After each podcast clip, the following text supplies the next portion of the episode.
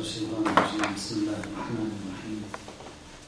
الحمد لله رب العالمين والصلاة والسلام على سيدنا ونبينا وحبيبنا محمد وعلى آله الطيبين الطاهرين. اللهم صل على محمد. الحديث عن مسألة الثورة الحسينية وارتباطها بنظرية فقهية هي نظرية الخروج على الأنظمة الظالمة الفاسدة حسب الاصطلاح القديم أو ما نعبر نحن عنه اليوم بالثورات المسلحة ضد الأنظمة غير الشرعية أو الأنظمة الظالمة. هذا الحديث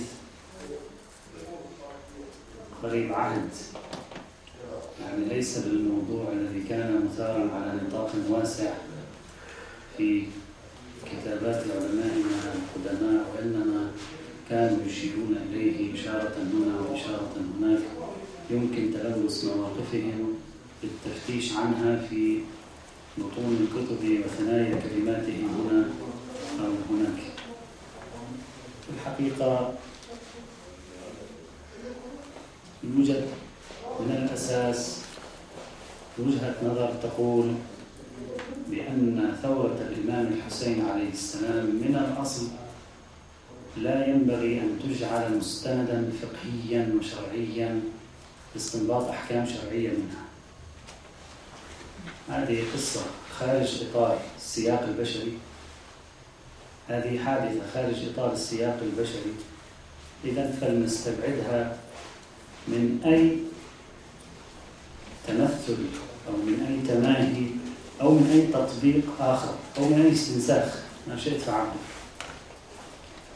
لأنها قضية غيبية خاصة بالمعصوم ومختصات المعصوم سلام الله عليه لا تشملنا مثل جواز أن يتزوج رسول الله صلى الله عليه وآله أكثر من أربعة من النساء. قضية خاصة به علمها عند ربي في كتاب ونحن لا شأن لنا بهذه القضية ولا يمكننا أن نستفيد منها شيئا في حياتنا. فقط نتعرف عليها ونتابعها.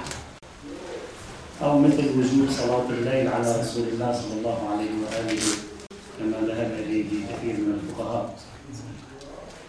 إذا حتى نعرف أن الثورة الحسينية يمكن الاستفادة منها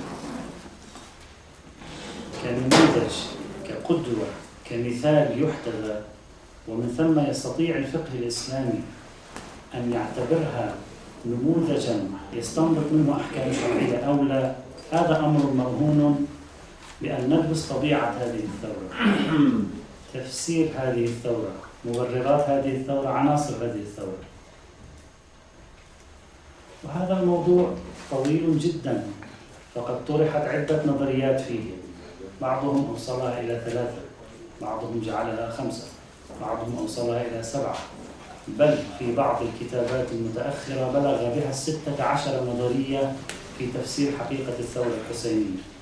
بعض النظريات شيعية بعضها سنية بعضها لا شيعية ولا سنية وإنما هي غربية استشراقية. تفسيرات كثيرة لا شأن لنا بها. لأن الخوض فيها يخرج عن إطار محاضرة واحدة بل لابد من سلسلة طويلة من المحاضرات. الشيء الذي يمكن أن نتلمسه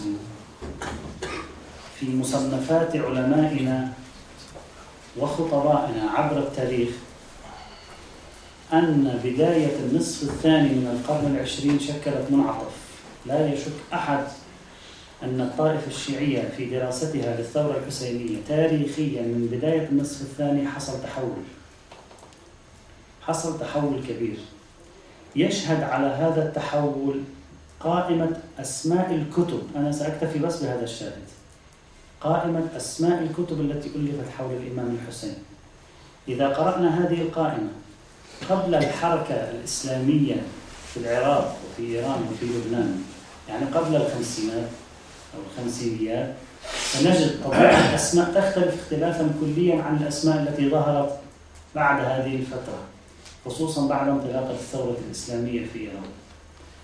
اسمحوا لي في هذه المقدمة فقط أن أعرض هذا الأمر. خلينا نأخذ نماذج من أسماء الكتب التي ألفت قبل ظهور الحركة الإسلامية في القرن العشرين؟ هذه كتب لا أذكر أسماء المؤلفين لكن أذكر الآن فقط الكتب. طريق البكاء طوفان البكاء أمواج البكاء رياض البكاء. مفتاح البكاء منبع البكاء مخزن البكاء معدن البكاء مناهل البكاء. كثيرة يعني نبقى نصف ساعة إذا نسرد أسماء الكتب فقط. أنا فقط أتيت بنماذج موجود ببيوغرافيات مؤلفة وكتب عنها وسردت. مجرى البكاء سحاب البكاء كنز الباكين مبكى العيون المبكيات بحر الدموع فيض الدموع عين الدموع سحاب الدموع. ينبوع الدموع. منبع الدموع دمع العين مدامع العين مخازن الأحزان رياض الأحزان قبسات الأحزان مثير الأحزان مهيج الأحزان نوحة الأحزان صحيفة الأشجان أحزان الشيعة بحر الحزن كنز المحن بحر المغموم قصص الغم. بعد كنز المصائب مجمع المصائب وجيزة المصائب إكليل المصائب. ما شاء الله. من الكشافات التي ألفت وسردت فيها أسماء الكتب التي صنفت حول عاشوراء وحول الثورة الحسينية. هذا هو طابع الكتب التي ألفت قبل ظهور الحركة الإسلامية السياسية في القرن العشرين. أما تعال معي نأخذ نموذج آخر. بعد هذه الفترة ما هي طبيعة الأسماء فقط؟ لأن الأسماء عادة تعطيك مؤشر على طبيعة تفكير المؤلف. بعد حركة الإمام الخميني والإمام السيد محمد باقر الصدر وغيرهم من العلماء في هذه الفترة. ظهرت كتب مختلفة. تعال معي إلى بعض الأسماء أيضا. في ظلال الحرية. الآن بدأنا نتجه إلى نمط مختلف تماما. زعيم الأحرار. الحسين حامل لواء الحرية. الحسين سيد الأحرار. الحسين رمز الحرية. الملحمة الحسينية. الشهيد مطهري ملحمة عاشوراء ملحمة كربلاء رجال الثورة. رسالة الحسين الثورية ثورة الحسين ثورة الطاف استخدام مصطلح ثورة. ثورة الطاف النهضة الحسينية نهضة عاشوراء. الثورة الحسينية وأهدافها الاجتماعية. الثورة الخالدة إلى آخره. إذا تأملنا في هذين المسردين قبل النصف الثاني من القرن العشرين وبعد النصف الثاني من القرن العشرين نجد وجود منعطف تاريخي في مطالعة المذهب الشيعي والشيعة للثورة الحسينية. قبل ذلك كانت الثورة الحسينية تمثل مظهر الحزن والبكاء فقط. ما عندنا أي دراسة مستقلة تعرف الثورة بأنها نهضة بأن حركة تغيير هذه المصطلحات التي نحن اليوم نستخدمها وصارت جزء من أدبياتنا اليومية. لا توجد أي شيء من هذا القبيل. ممكن تجد تعبير لكن لا تجد دراسة مستقلة لا تجد عنوان كتاب إلا الشاذ النادر في هذا المجال. على عكس ما جاء بعد ذلك. ما جاء بعد ذلك طبيعي الكتب ذات النوع الأول ما زالت موجودة. لكن ذات النوع الثاني أيضا ظهرت وبكثرة. تعبير الثورة تعبير الحماسة تعبير الملحمة تعبير النهضة. كلها تعابير تتصل بتفسير الثورة على أنها وسيلة للتحرك. تفسير الثورة على أنه نموذج أنا أريد أن أوظفه لكي أتحرك لتغيير واقع الاجتماعي والسياسي وهذا شيء لم يكن ظاهرا بقوة في الفترة السابقة. بل وجدنا بعض العلماء لا تتأملون في كلماتهم وهذا موجود حتى عند العلامة المجلسي في بحار الأنوار. إذا وجه سؤال لماذا خرج الإمام الحسين ولم يخرج الإمام الحسن؟ لماذا خرج الإمام الحسين؟ وهذا فيه شيء من إلقاء النفس في التهلكة. تجد أحد الأجوبة الأساسية أن هذا معصوم ولا يمكننا أن نناقش. يعني هو لم يبذل جهدا وعناء لتقديم تفسير عقلاني لهذه الحركة الإمام الحسين على خلاف الفترة الأخيرة التي وجدنا فيها كثير من الدراسات التي تحاول أن تفسر وتحلل وتدرس ظروف ثورة الإمام الحسين سلام الله عليه مع الظروف التي كانت تحيط بالإمام الحسن. وتقدم تبريرات تاريخية عقلانية منطقية. في تلك الفترة نجد أجوبة من هذا النوع هذا إمام معصوم ولا يمكننا أن نعترض عليه. لا, يراد من هذا السؤال الاعتراض. يراد من هذا السؤال فهم طبيعة فعل المعصوم كي يكون قدوة لنا نحتدي به. كأي فعل من أفعال المعصومين؟ حينما ندرسه ندرسه في الفقه ندرسه لكي نعرف حدوده الفقهية والشرعية لكي نأخذ منه حكما شرعيا. لكن لما يصلون إلى ثورة الإمام الحسين تجدهم يعتبرون أن هذا النوع من الأسئلة هو سؤال إنسان معترض. لاحظوا السيد المرتضى في كتاب تنزيه الأنبياء. لما تحدث عن هذا الموضوع أجاب وكأن الذي سأل هذا السؤال كيف خرج الحسين بن علي سلام الله عليه؟ كأن الذي سأله معترض من خارج الطائفة الشيعية. يعني كأنه لم يكن في الوسط الشيعي سؤال مطروح من هذا النوع. هذا شيء حتى إذا راجعت المصنفات الفقهية أيضا تجده. هذا الجو لابد أن نأخذه بعين الاعتبار لنرى أن أغلب هذه النظريات التي طرحت اللي هي ثلاثة أو خمسة أو سبعة أو ستة عشر على كتابات بعضهم أغلبها يعود إلى الفترة الأخيرة إلى العقود الأخيرة. وقلما تجد هذه النظرية باستثناء نظرية أو نظريتين سنشير إلى النظرية نحن سنعقد هذه الجلسة لأجل هذه النظرية فقط. هي النظرية التي كانت سائدة قديما أو التي كان يميل إليها جماعة كثيرون قديما. وباقي النظريات كلها جاءت في الفترة المتأخرة فقط. إذا هذا المدخل نريد من خلاله أن نؤكد على أن دراسة مبررات الثورة وطبيعة الثورة وحقيقة الثورة ظاهرة مستجدة وأن العلماء الذين طرحوا هذا الموضوع في السابق على شكل خلاصات كانوا يردون شبهات فقط وأنهم لم يستأنفوا بحثا مستقلا في هذا الموضوع وإنما إجابة عن شبهة هنا أو إجابة عن سؤال هناك كما هو واضح. وأنتم تعرفون أنا لا أريد الدخول في هذا الموضوع موضوع طويل. تعرفون أن كتاب شهيد جاويد الشهيد الخالد للشيخ نعمة الله صالح نجف أبادي هو الذي فجر كل هذه المعركة حول هذا البحث حول هذا الموضوع. وهو الذي كان البداية لنظريات كثيرة وتحليلات كثيرة. ساهمت بها مدرسة الإمام الخميني ساهمت بها مدرسة الدكتور علي شريعتي ساهم بها ساهم بها الشهيد مطهر وساهمت بها أيضا مدرسة السيد الشهيد محمد باقر الصدر كما تعرفون. لن نخوض في هذا لأننا لا نريد أن نخرج عن إطار هذا الموضوع. ما أريد أن أتعرض له هنا بعد هذه المقدمة هو مناقشة النظرية التي كان لها بعض السيادة والهيمنة قديما وربما ما تزال موجودة في عصرنا الحاضر وهي النظرية التي تقول بأن الثورة الحسينية ظاهرة خاصة بالإمام الحسين بوصفه معصوما. وأن هذه الثورة لا يمكن توظيفها اليوم في أي في الخروج بأي نتيجة تحدد موقفنا من الأنظمة الفاسدة. مهما كانت هذه الأنظمة الفاسدة وكيفما كان نوعها. وهي النظرية التي تلوح من عدد من العلماء منهم حتى العلامة المجلسي. في بحار الأنوار ولو على بعض التقادير يطرحها. حاصل هذه النظرية أن هذه الثورة ظاهرة غيبية وأننا لا نعرف عنها شيئا وليس لها تفسير معقول ولا نفهمها ولا نريد أن نفهمها لأننا لا نستطيع حتى لو أردنا. هي شأن خاص بالمعصوم. هي شيء من وظائف الإمام الحسين التي اختص بها ونحن لا شأن لنا لا بدراستها ولا بتفسيرها ولن يمكننا أن نفهمها لأنها من العلاقات المتصلة بين الإمام المعصوم وبين الله سبحانه وتعالى.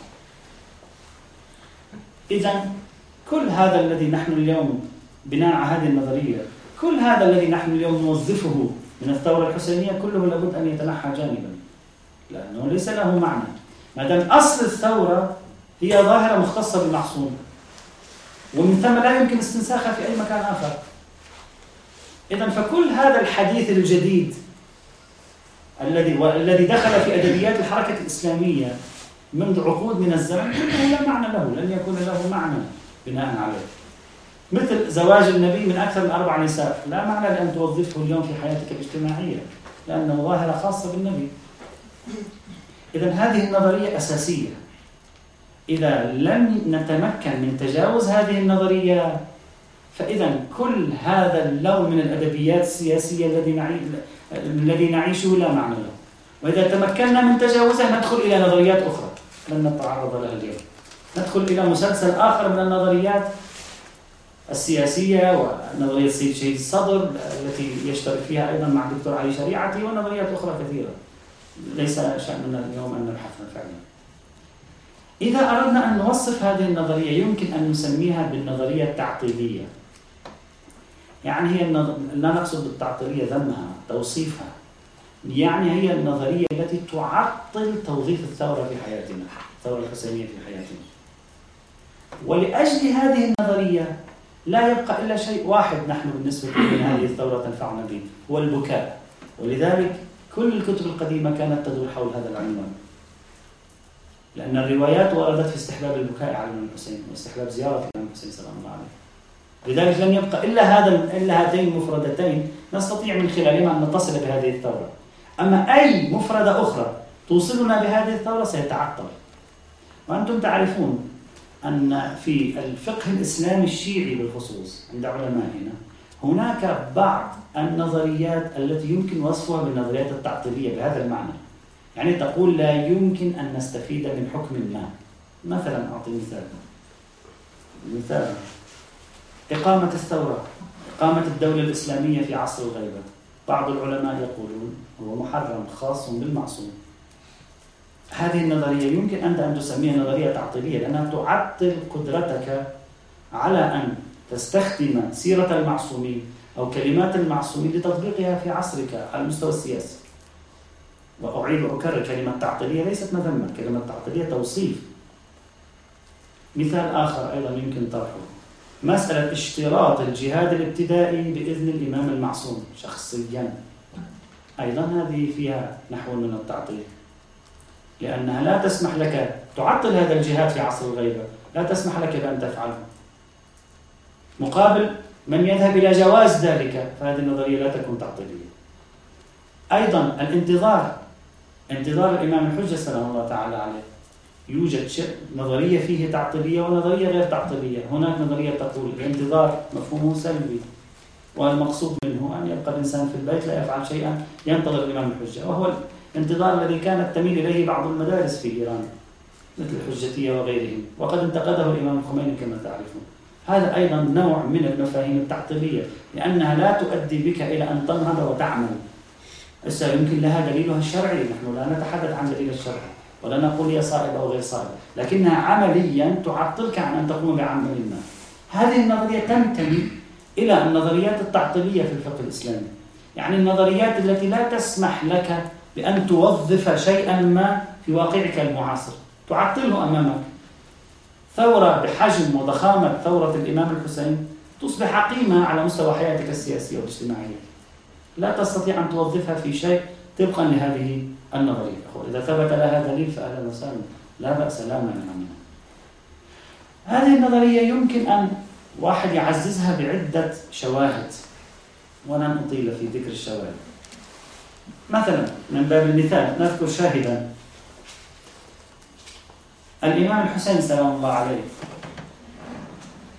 لما طلب منه والي المدينة البيعة. قصة معروفة لا أريد أن نكرر أحداث التاريخ الأحداث واضحة ومعروفة. لما طلب منه البيعة الإمام الحسين كما نعرف طلب أن مهلة. وفي تلك المهلة عندنا بعض المرويات أنه ذهب إلى قبر رسول الله صلى الله عليه وآله وسلم وأنه هناك رأى رؤيا غفى غفوة فرأى رؤيا في المنام وأن رسول الله صلى الله عليه وآله وسلم طلب منه أن يخرج. وأنه قال له شاء الله أن يراك قتيلا. هذا يمكن عده أقوى شاهد على أن الإمام الحسين ما كان عنده أي مشروع سياسي قادرين نحن على تفسيره. نحن يعني عقلاني معقول. قضية غيبية بحتة. رجل لا يقول أنا قررت أن أثور أو لا أثور لأجل والله في مشكلة اثنين ثلاثة أربعة الحياة الاجتماعية والسياسية المسلمة. كل ما في الأمر لماذا قرر؟ ذهب إلى قبر النبي غفى غفوة جاءه في المنام قال له النبي كذا عمل بما قاله النبي. قضية مجهولة بالنسبة إلينا. هو يعلم لكن نحن بالنسبة إلينا قضية مجهولة لا نفهمها. ربما يكون خرج لسبب معقول لكن نحن لا نعرفه. ربما خرج لسبب غيبي الله يعلمه فقط. من أين لنا نحن أن نعرف إذا كانت المشيئة الإلهية أرادته قتيل وهو خرج والمشيئة الإلهية أرادته أن يقتل. هذا لا يحمل مشروع سياسي بالمعنى الذي نحن نقول. هكذا يتصور أنصار النظرية لا يحمل مشروع سياسي بالمعنى الذي يقول. لا يمكن لواحد قائد سياسي يخرج بحركة معارضة يريد يقلب بها الأوضاع. وهو يعرف أنه خسران خسران يعني. هو يعرف أنها خاسرة ليس لها من فائدة. ويعرف أن الله شاء أن يراه قتيلا. ما قال شاء الله أن يجعل قتلك مسقطا للدولة الأموية؟ قال شاء الله أن يراك قتيلا. إلى هذا الحد تدل الرواية. يدل هذا الحدث.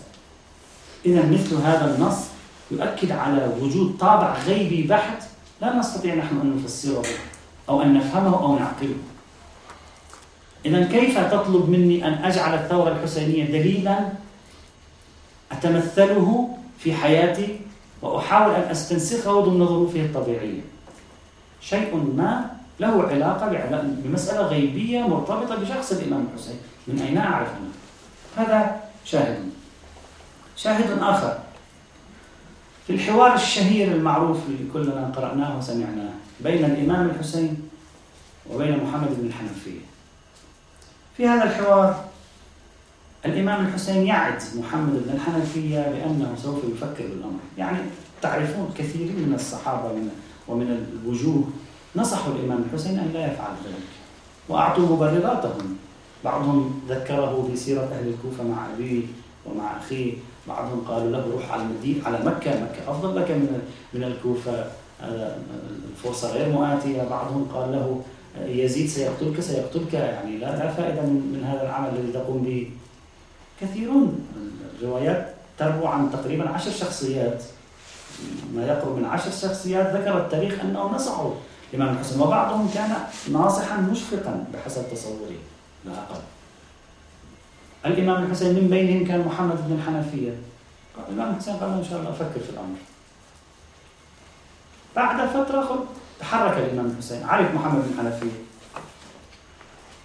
سأله أنت وعدتني أن تفكر بالأمر وأنا رأيت يعني كأنما محمد بن الحنفية كان مستقرب أنه ممكن يميل عن رأيه يعدل عن رأيه استغرب خروج الإمام سلام الله عليه قال له أنت وعدتني تفكر بالأمر تدرس المسألة تعقلها بشكل ما وشفتك خرجت. فكان له جواب واحد ما قال له والله أنا خرجت عندي مشروع سياسي أو لابد يا أخي من الثورة ولو أن دمي يمكن أن يسقط الدولة الأموية أو لابد من إحياء ضمير الأمة كما هي نظرية السيد باقر الصدر مثلا أو إلى آخره. ما ما قال هذه التعبير قال له جملة بسيطة. قال له شاء الله أن يراني قتيلا وشاء الله أن يرى أهله سبايا. فقط هذا الذي قاله له. ومحمد بن حنفية رجل ما كان مثل عبد الله بن الزبير اللي في مشكلة معه ويمكن إذا سربت له معلومة لا تكون في نفعك قد يتضرر لأنه في شيء ما بين. وقد ارتاح آه، آه، ابن الزبير لما خرج الإمام الحسين من مكة وقالها له ابن عباس كما في الرواية. لكن محمد بن حنفية كان ناصحا شفيقا وكان بحسب تصوره يريد الخير وهو أقرب المقربين إليه.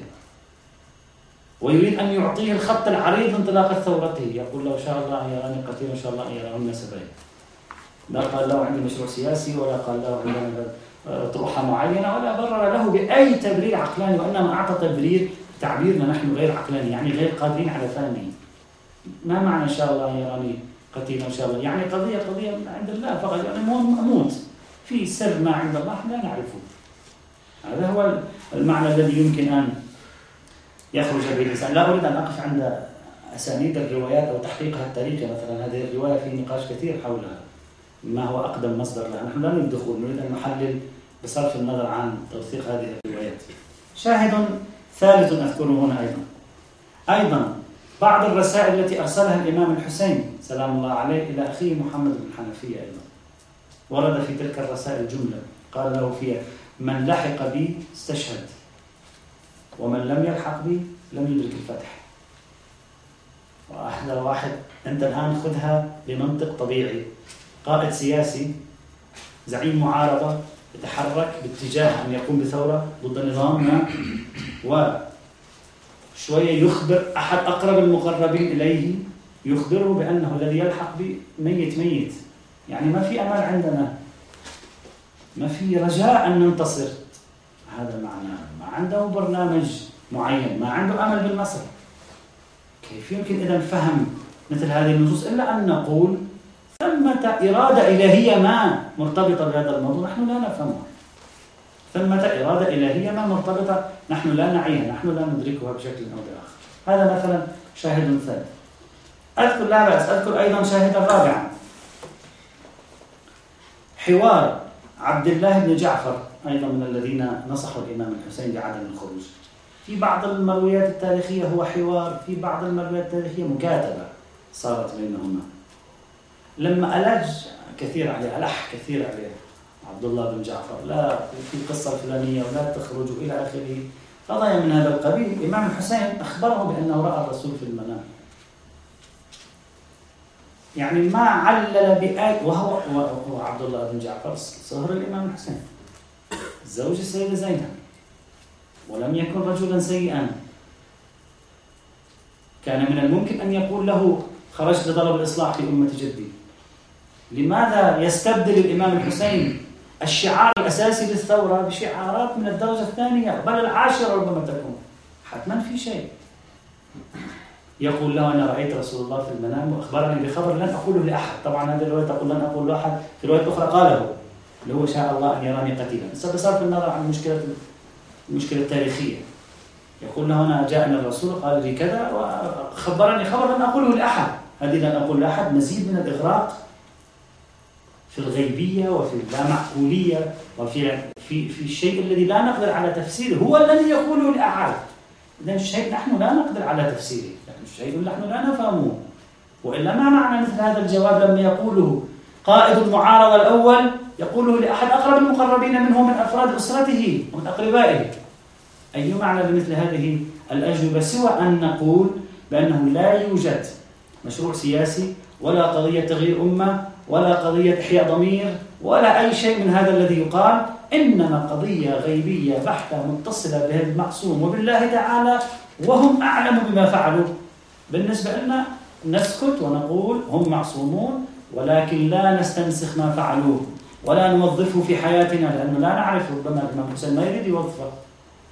يمكن هذه شغلة خاصة به هو شخصيا. ما قال أنه مسموح أن نوظف مثل هذه الأشياء؟ على لا بأس أيضا أذكر قصة أخيرة وإن كان هذه القصة ليس فيها دلالة كثيرة. الإمام الحسين يعد في بعض حواراته يعد بأنه سيستخير الله تعالى. يعني يقول أنا لما يحاوروه يحاولون نصحه أنه لا تخرج لا تخرج. يقول أنا سأستخير الله تعالى. يعني سأطلب الخير من الله تعالى.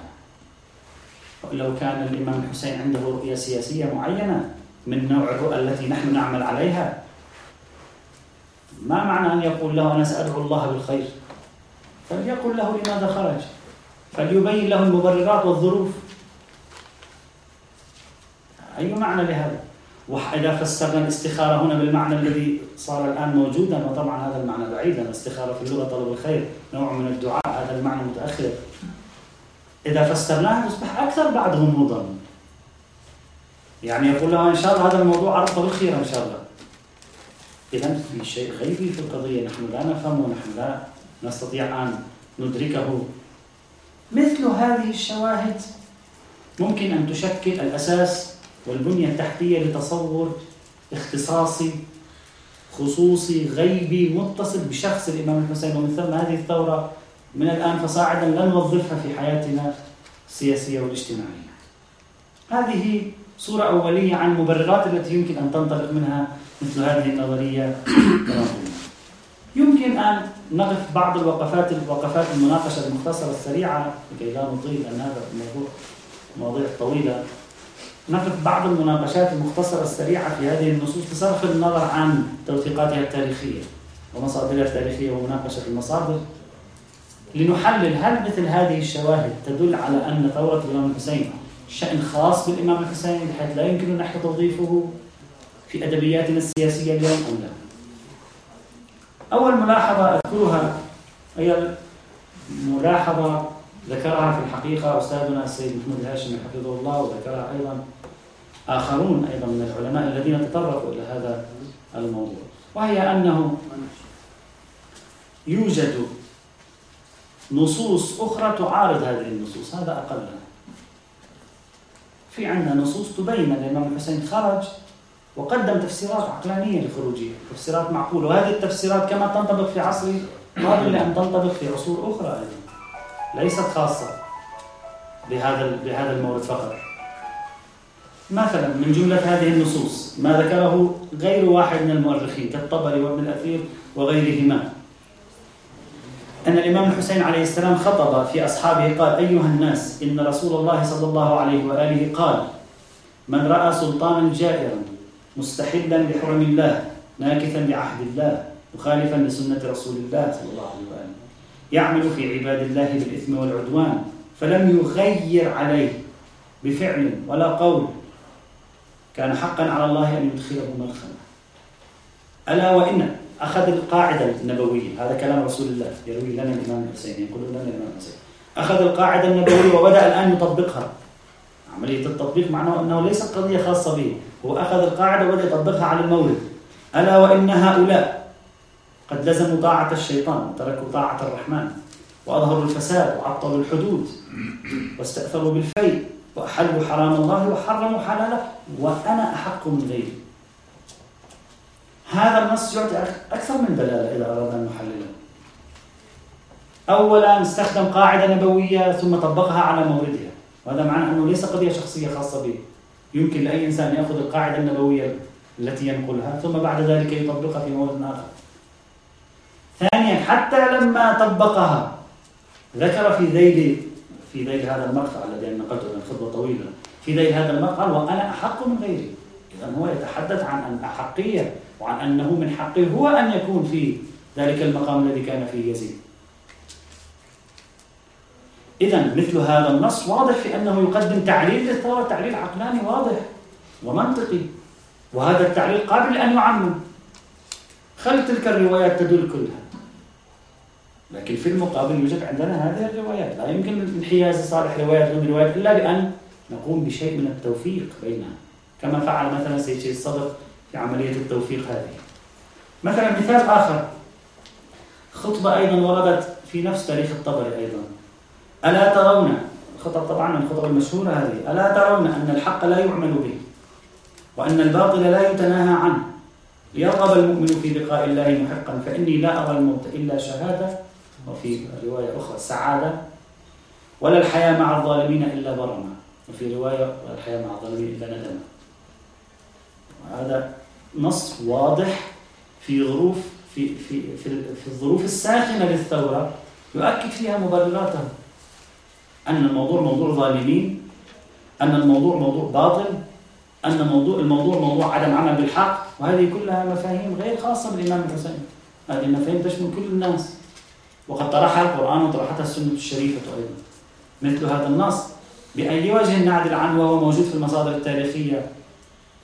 ونأخذ بتلك النصوص الأخرى فقط وننحاز إليها.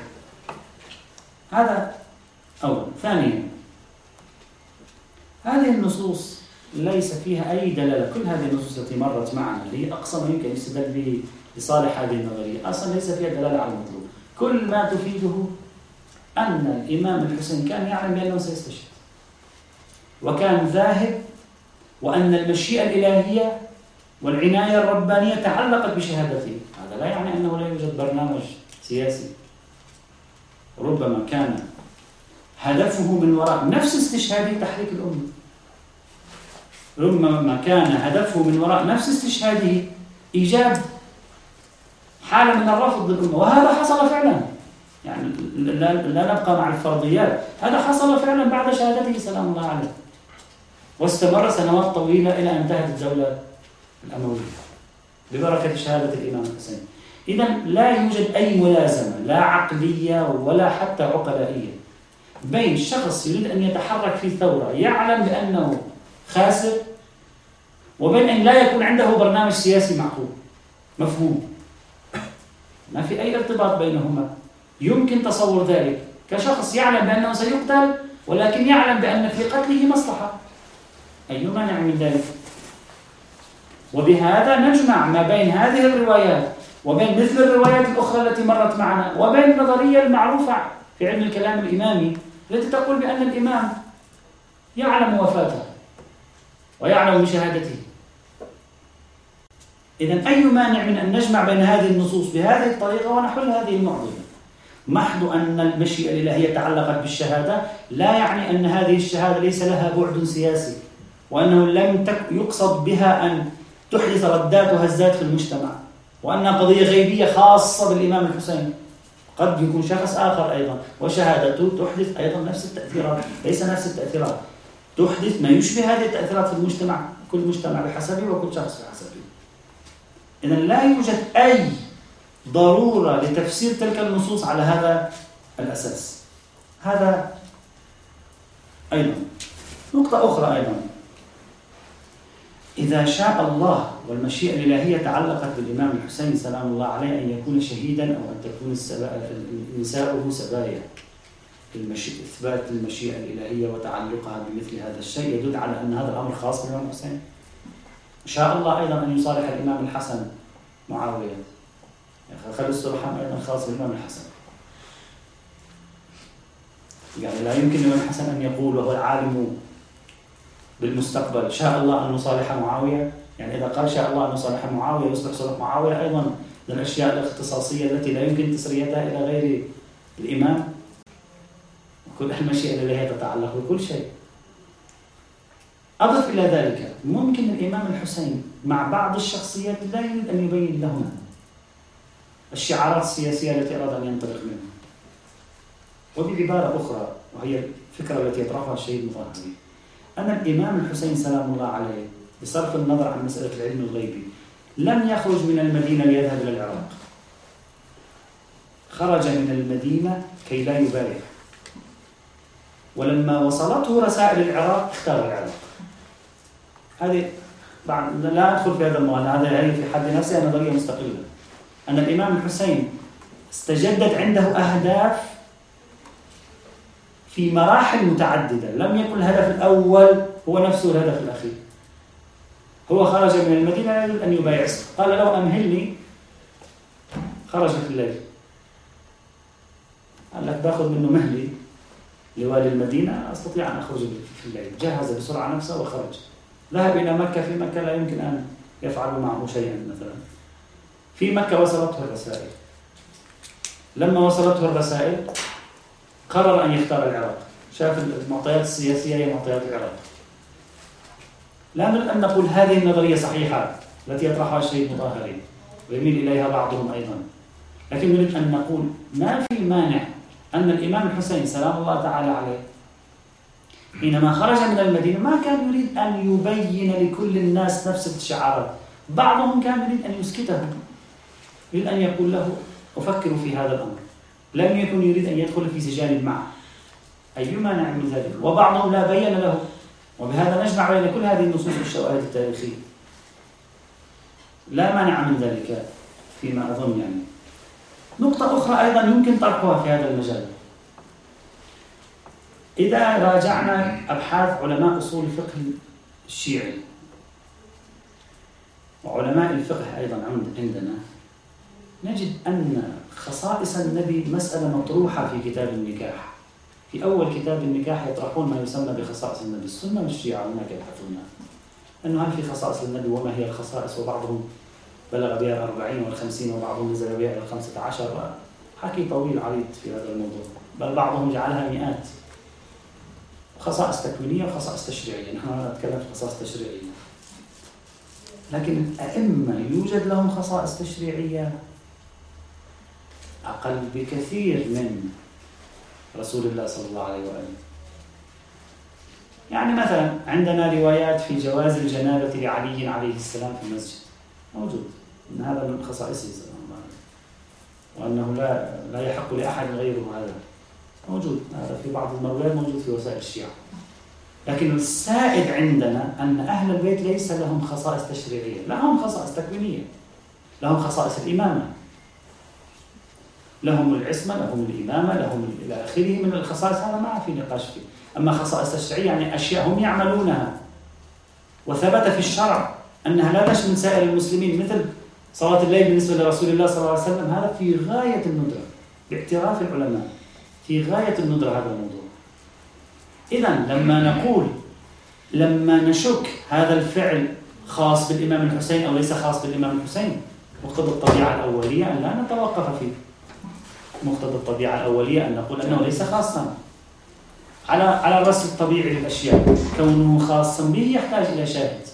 مقتضى الحالة العامة في سيرة أئمتنا أنهم لم يكونوا ينطلقون في أفعالهم من خصوصيات وإنما كانوا ينطلقون في أفعالهم من كونهم مشتركين مع المسلمين في الأحكام الشرعية. احتمال الخصوصية ليس دليلا كما قاله بعض العلماء. بعض العلماء قالوا نكفي أن نحتمل الخصوصية. احتمال الخصوصية ليس دليلا. وهم قد قالوا أن احتمال أكثرهم طبعا. أن احتمال الخصوصية في فعل النبي لا يمنع عن إمكان الاستناد إليه في الفقه. إذا كان ذلك في النبي صلى الله عليه وآله. وهو الذي أحرزنا أن له مجموعة من الخصوصيات.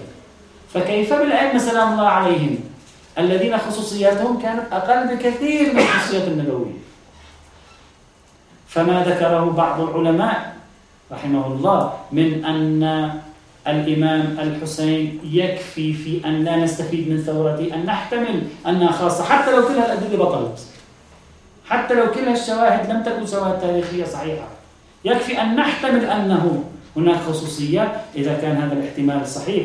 ويلغي إمكان الاستناد إلى فعله لجعله مثالا يحتذى في حقنا إذا كان كذلك. فينبغي أن يقال بطريق أولى مثله في أفعال الرسول صلى الله عليه وآله. وكما كان رسول الله أسوة حسنة لنا بنص الآية كذلك هم أهل البيت أسوة حسنة لنا بالأدلة الكثيرة التي هي ثابتة عندنا في مذهبنا.